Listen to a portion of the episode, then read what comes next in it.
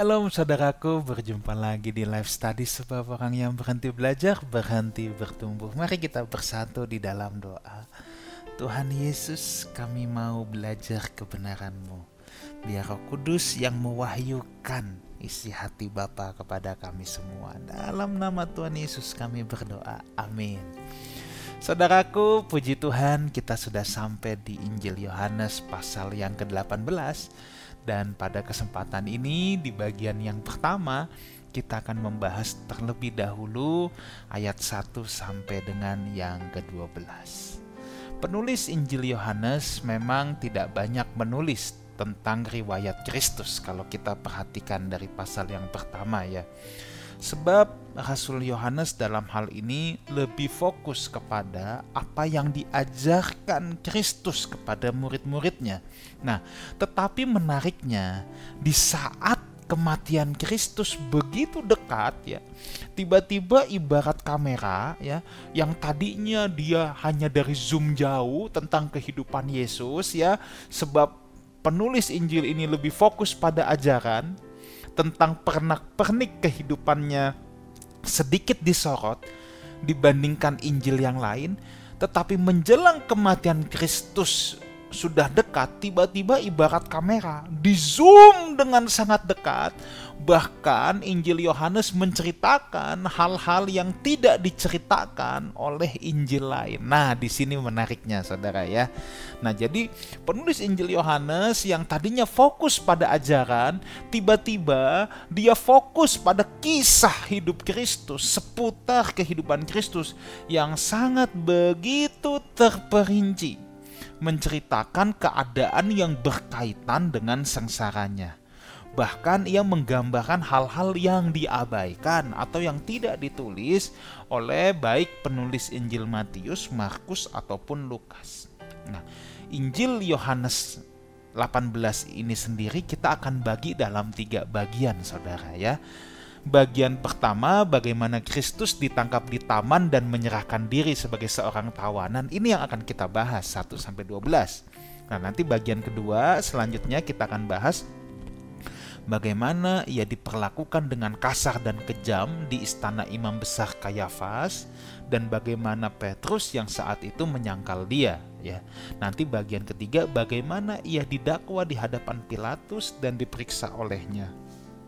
Lalu orang banyak diberikan pilihan Barabas atau Yesus yang dipisahkan. Baik, kita akan mulai pada kesempatan ini ayat 1 dan 2 terlebih dahulu ya.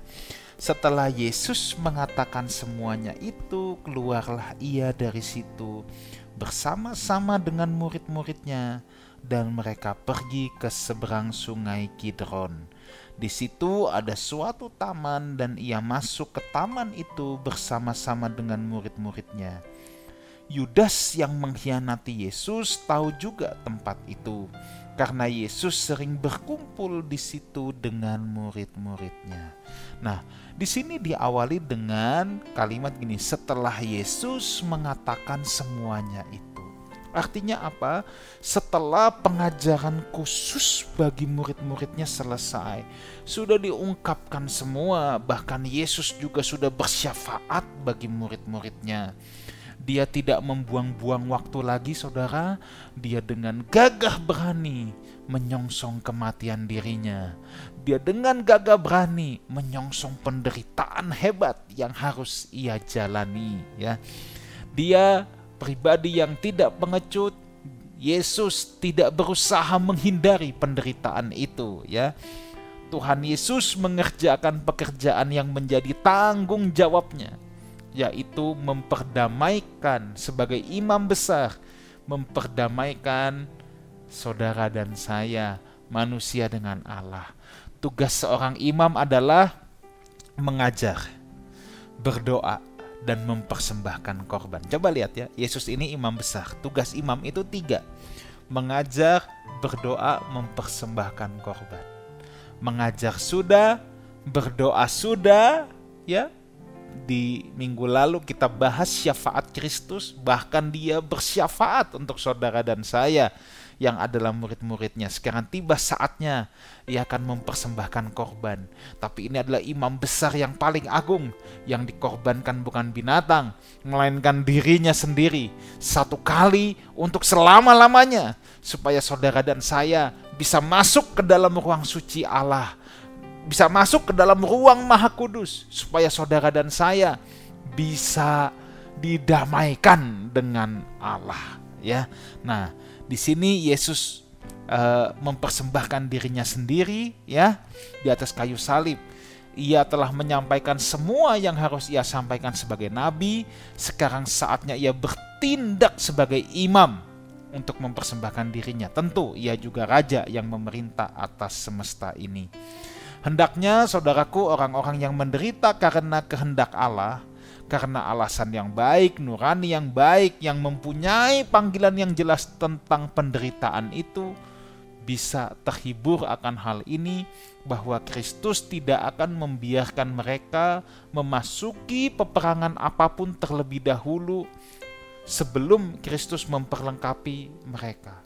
Artinya, Yesus tahu murid-murid akan memasuki peperangan yang hebat dalam kehidupannya, ke depan nanti dalam pelayanannya, tapi Kristus sudah memperlengkapi terlebih dahulu. Kristus sudah mengajar, Kristus sudah berdoa buat mereka, bahkan mempersembahkan dirinya sebagai pembuka jalan untuk masuk ke dalam ruang maha suci Tuhan. Jadi saudaraku, rekan-rekan uh, hamba Tuhan di mana pun saudara berada, sekalipun kita harus menderita untuk Kristus, kita kita harus terhibur akan hal ini. Kristus sudah memperlengkapi kita terlebih dahulu. Yesus pergi ke tempat yang Yudas juga tahu karena memang Yesus tidak sedikit pun bermaksud untuk menghindarkan diri dari penderitaan. Di sini menarik, ia pergi ke seberang sungai Kidron ya. Nah, untuk pergi ke Bukit Zaitun saudaraku perlu menyeberangi sungai ini. Maka dia menggenapi nubuatan Daud tentang Mesias yang ada di Mazmur 110 ayat 7 bahwa ia akan minum dari sungai di tepi jalan, yaitu sungai penderitaan di tengah perjalanan menuju kemuliaannya dan keselamatan kita. Jadi di sini dikatakan sungai Kidron ini bukan satu kebetulan. Ini menggenapi nubuatan Daud yang memang sedang bicara tentang kedatangan Mesias. Bahwa dalam perjalanannya ia akan minum di tepi sungai dan yang dia minum adalah cawan penderitaan untuk penebusan saudara dan saya. Hal ini dilambangkan dengan sungai Kidron. Sungai Kidron itu sungai yang hitam. Hitam ya. Dinamakan demikian karena kegelapan memang meliputi lembah tempat sungai itu mengalir. Ya, kita tidak tahu jelas karena apa sungai itu hitam, tetapi memang sungai itu hitam, saudara ya. Air sungai itu Air sungai seperti itulah dalam tanda petik yang diminum Kristus ketika menempuh perjalanan untuk menebus kita. Oleh sebab itu, ia mengangkat kepala dan juga mengangkat kepala kita, Saudara ya. Dan di sini ia masuk ke dalam sebuah taman ya. Hal ini juga di uh, juga diperlihatkan oleh penulis Injil yang lain. Kita tahu taman yang dimaksud adalah Taman Getsemani tapi kita bisa melihat sebuah paralelisme di sini saudara ya. Dosa masuk melalui sebuah taman yaitu Taman Eden. Maka perjalanan penebusan juga dimulai dari sebuah taman yaitu Taman Getsemani ya. Wah, luar biasa saudara ya. Yuk ayat yang ketiga sekarang.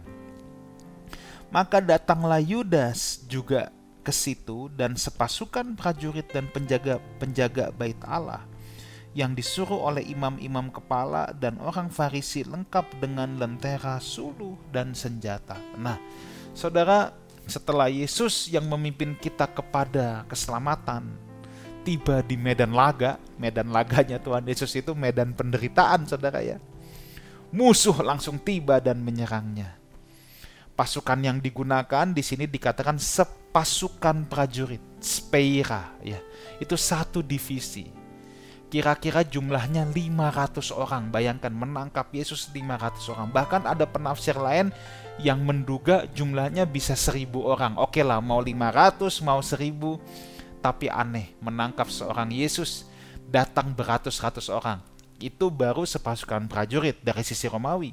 Di situ juga ada penjaga-penjaga bait Allah. Ini pasukan dari bait Allah, ya. Kenapa? uh, pasukan penjaga bait Allah yang muncul karena tuduhan kepada Kristus dari sisi orang Yahudi dia menghujat Allah. Ya. Sekalipun Kristus bersama murid-muridnya hanya sedikit jumlahnya, dikepung sekian banyak musuh yang ingin mencelakakannya, dia tidak takut dan gentar. Itulah sebabnya saudara, kita, saudara dan saya tidak perlu takut menghadapi kejahatan yang dirancangkan terhadap kita. Ya. Kita tidak perlu takut, saudaraku, menghadapi kejahatan yang dirancangkan kepada kita asalkan Allah ada di pihak kita. Orang boleh mereka-rekakan yang jahat untuk kita, tetapi kita harus senantiasa mempercayai bahwa Tuhan mereka-rekakannya untuk kebaikan. Ya. Tuhan mereka-rekakannya untuk kebaikan. Ya. Jadi kita tidak perlu takut. Dan saudara lihat senjata Kristus adalah senjata rohani. Ya, dia nggak pernah melawan secara fisik, sekalipun dikepung oleh sekian banyak orang, dia tidak pernah melawan secara fisik. Ya, senjata dia adalah senjata rohani. Maka kita juga harus mengenakan senjata rohani yang ada dalam kitab Efesus. Ya, nanti kita akan bahas sampai pada waktunya. Ayat yang keempat sekarang maka Yesus yang tahu semua yang akan menimpa dirinya maju ke depan dan berkata kepada mereka, "Siapa yang kamu cari?" Yes, saudaraku, kitab Roma nanti berkata Yesus adalah Adam yang kedua. Sungguh ironi, sangat berbeda antara Adam pertama dan Adam yang kedua. Kalau Adam yang pertama lari di taman itu, menyembunyikan diri, ngumpat di pohon-pohonan. Yesus di taman Getsemani, sama-sama taman ya. Tadi saya sudah katakan, dia tidak menyembunyikan diri, dia tidak melarikan diri. Justru Yesus tampil dengan gagah berani menghadapi penderitaannya. Ya, Alkitab tadi berkata maju ke depan, justru dia melangkah maju ke depan. Hal ini menunjukkan kesiapan Kristus untuk menghadapi penderitaan yang akan dia jalani. Dia bukan seperti Adam yang ngumpet entah ke mana, tapi Yesus dengan gagah berani, saudaraku ya, Yesus dengan kesiap sediaannya menghadapi semua ini. Ayat kelima dan yang keenam, jawab mereka, Yesus dari Nazaret, katanya kepada mereka, akulah dia. Yudas yang mengkhianati dia berdiri juga di situ bersama-sama mereka. Ayat 6, ketika ia berkata kepada mereka, akulah dia, mundurlah mereka dan jatuh ke tanah. Ayat yang kelima, saudara ya. Ungkapan Yesus dari Nazaret itu sebenarnya ungkapan yang merendahkan, saudara. Ya. Itu ungkapan yang merendahkan. Kenapa merendahkan?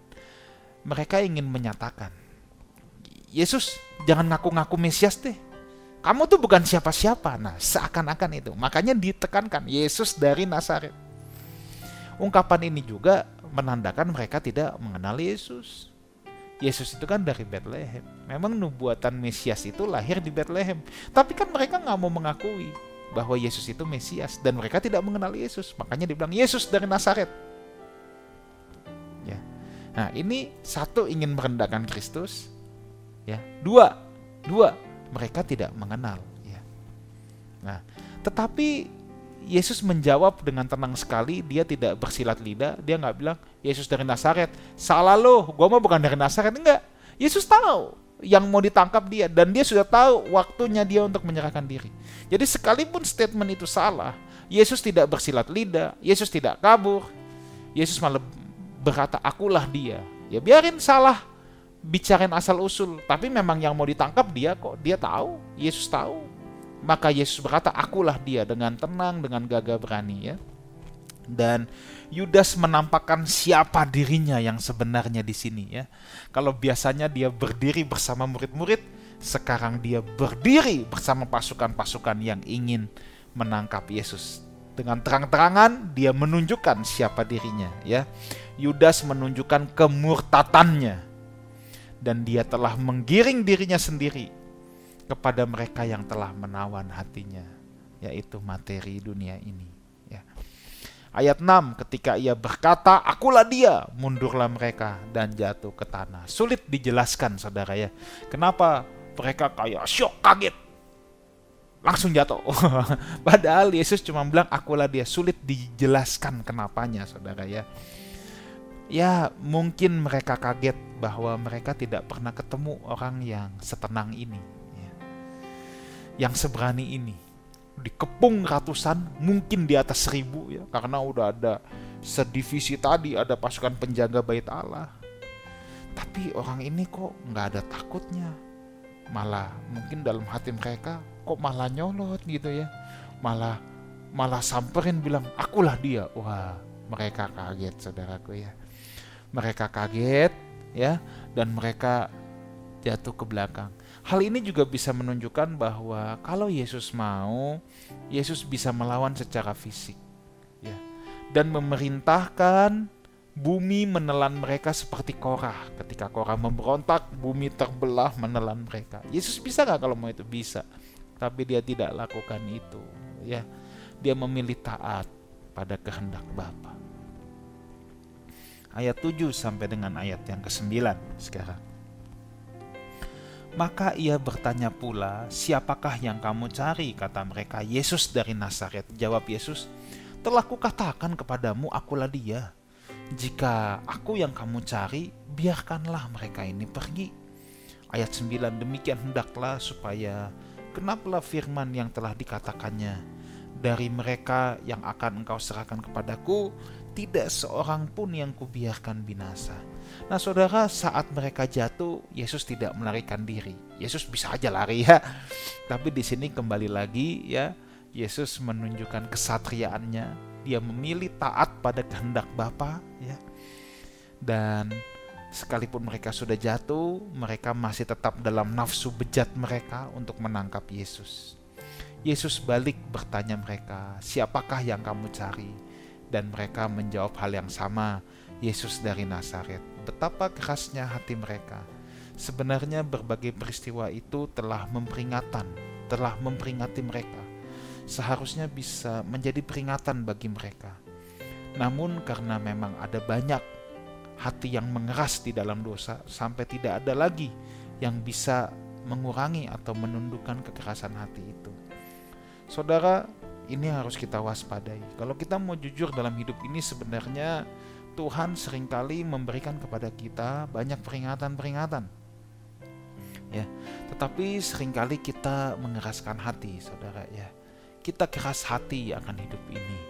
Ketika kita keras hati, ya, ketika kita keras hati, maka kita sebenarnya membawa diri kita sendiri ke dalam pencobaan kita membuat hati kita keras sampai kita tidak bisa berbalik lagi kepada Tuhan ya. Jangan abaikan setiap peringatan yang Tuhan kasih. Harusnya ketika mereka menjadi tiba-tiba mundur jatuh itu sudah peringatan juga untuk mereka bahwa mereka berbuat salah kalau mereka menangkap Yesus. Tetapi mereka men, uh, memilih untuk menuruti nafsu kedagingan mereka dan mengabaikan peringatan dari Tuhan ya. Nah, Yesus memanfaatkan peristiwa ini untuk melindungi murid-muridnya dalam kemelut. Makanya tadi dikatakan ya, Aku yang kamu cari, biarkan mereka ini pergi. Nah, Yesus kan cuma sama murid-muridnya. Mereka yang dimaksud pasti murid-muridnya. Ya. Memang satu hari kelak murid-murid pasti menderita bersama Kristus. Tapi bukan ini saatnya, bukan sekarang waktunya. Sekarang waktu sang guru yang agung. Ya. Yesus hanya mau memberikan contoh kepada murid-muridnya. Begini loh kalau menghadapi penderitaan. Nggak usah takut tenang ya. Dengan ketegaran menghadapi penderitaan. Dan nggak usah menyeret orang lain ke dalam penderitaan yang sedang kita jalani. Ya. Ini pelajaran sekali yang sangat berharga ya. Yesus tidak menyeret murid-muridnya, ayo dong temenin. Biasanya orang kalau susah itu senangnya ngajak teman-temannya ikut susah ya. Kalau senang nggak mau bagi-bagi, kalau susah bagi-bagi. Itulah manusia berdosa saudara ya. Kalau susah kayaknya kita mau semua orang empati sama kita, kita mau orang lain merasakan apa yang kita alami kesulitannya. Tapi kalau senang orang suka lupa sama orang lain ya. Kalau senang ingatnya sendiri ya. Nah, di sinilah ya uh, sangat mungkin juga ini sebuah teladan. Sebab nanti di kemudian hari murid-murid juga akan men, juga akan menjalani penderitaan ini. Kalau nanti kita belajar di kisah para rasul saudaraku ya murid-murid ditangkap. Dan ini Tuhan kasih teladan. Eh kalau kamu nanti ditangkap dalam penderitaan jangan seret-seret teman-temanmu. Nanti kan waktu zaman gereja mula-mula penganiayaan di Yerusalem, Petrus pernah ditangkap. Petrus nggak nggak ini, nggak malah bilang, eh gue nggak sendiri loh, itu ada teman-teman gue itu juga tuh sama tuh, kayak gue beritakan Yesus, tangkap juga dong sekalian, biar semua ditangkap adil. Enggak, Petrus tidak seperti itu.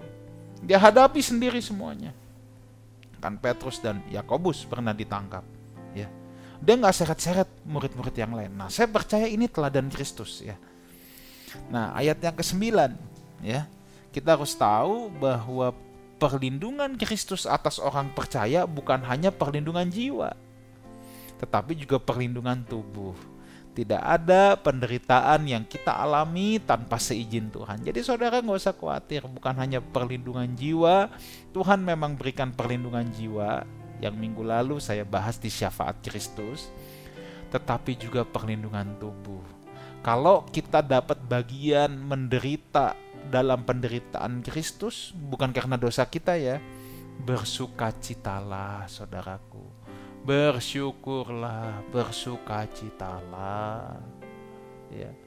Bersukacitalah dan tenang perlindungan Kristus ada di situ. Tidak ada penderitaan yang bisa menghampiri kita tanpa seizin Kristus. Ayat 10 sampai 12 lalu Simon Petrus yang membawa pedang menghunus pedang itu menetakkannya kepada hamba imam besar dan memutuskan telinga kanannya. Nama hamba itu yang diputuskan adalah Malkus. Kata Yesus kepada Petrus, sarungkan pedangmu itu. Bukankah aku harus minum cawan yang diberikan Bapa kepadaku? Maka pasukan prajurit serta perwira dan penjaga-penjaganya yang disuruh orang Yahudi itu menangkap Yesus dan membelenggu dia. Saudara, Petrus melakukan tindakan yang sembrono. Kita harus akui Petrus memang punya semangat mengasihi Tuhan dengan tulus dan membala dan membela Yesus. Tetapi itu tidak dapat dibenarkan. Kadangkala kita bisa punya semangat, tetapi cara juga harus benar, saudara ya. Walaupun Petrus dalam ketulusan, dalam cintanya kepada Tuhan, dia mau coba membela Yesus, ya tetapi itu tetap tidak dapat dibenarkan. Yesus menegur Petrus ya. Untung Petrus nggak baperan. Kalau Petrus baperan, eh guru udah dibelain kok malah begini ya. Nah, tapi Petrus tidak baperan. Bertindak yang benar itu juga dipentingkan oleh Kristus. Tidak cukup hanya semangat yang benar saja, tetapi tindakan yang benar juga diperlukan. Ini Petrus ditegur lagi saudara ya. Bukankah aku harus minum cawan ya yang harus aku minum dari Bapakku. Kita bisa mengingat bukankah Petrus pernah ditegur dulu ketika uh, Petrus ingin menghalangi Yesus ketika Yesus berkata anak manusia akan diserahkan bla bla bla. Petrus bilang dengan gagah berani, kiranya itu dijauhkan, maka Yesus menegur, "Nyah iblis." Waduh. Petrus pernah ditegur ya karena ingin menghalangi penderitaan Kristus. Manusia memang sering lupa ya, tetapi Tuhan selalu mengingatkan kita tentang firman-Nya. Makanya saudara firman Tuhan itu memang yang selalu menguduskan kita melakukan pembaharuan budi dalam diri kita. Dulu Petrus pernah ditegur, sekarang Tuhan menegur lagi. Harusnya Petrus ingat, jangan menghalangi penderitaan Kristus. Itu sudah kehendak Allah. Kita nggak perlu menghalang-halangi kehendak Allah terjadi. Nah, intinya apa, saudara? Yesus dengan sabar mengingatkan lagi. Ya, ini kan cawan yang harus aku minum. Nah, makanya saudara harus rajin belajar baca firman Tuhan, sebab firman Tuhan itu akan mengingatkan kita ya firman Tuhan itu akan mengingatkan kita lewat apa lewat pembaharuan budi makanya di pertemuan minggu lalu tentang syafaat Kristus firman itu yang menguduskan kita ya. Bahwa dengan pembaharuan budi yang dilakukan kita akan ingat lagi firman Tuhan jadi kita bisa hidup selaras dengan firman Tuhan. Kiranya Tuhan Yesus menyertai kita semua. Amin. Mari kita berdoa. Matraikan kebenaran firman-Mu dalam lubuk hati setiap anak-anak-Mu dan berikan kami juga ya Tuhan anugerah-Mu supaya kami bisa melakukan firman-Mu. Dalam nama Tuhan Yesus kami berdoa. Amin. Saudaraku Demikian pembelajaran kita pada hari ini. Kalau saudara berdomisili di Jakarta Barat dan sekitarnya, saya ingin mengajak setiap saudara untuk berjumpa di Wang Plaza jam 10 pagi ya, Wang Plaza lantai 2 jam 10 pagi. Saya ingin beribadah bersama dan berjumpa, berkenalan dengan setiap saudara. Kiranya Tuhan Yesus menyertai kita semua. Sampai jumpa di live study minggu depan sebab orang yang berhenti belajar berhenti bertumbuh. God bless you all.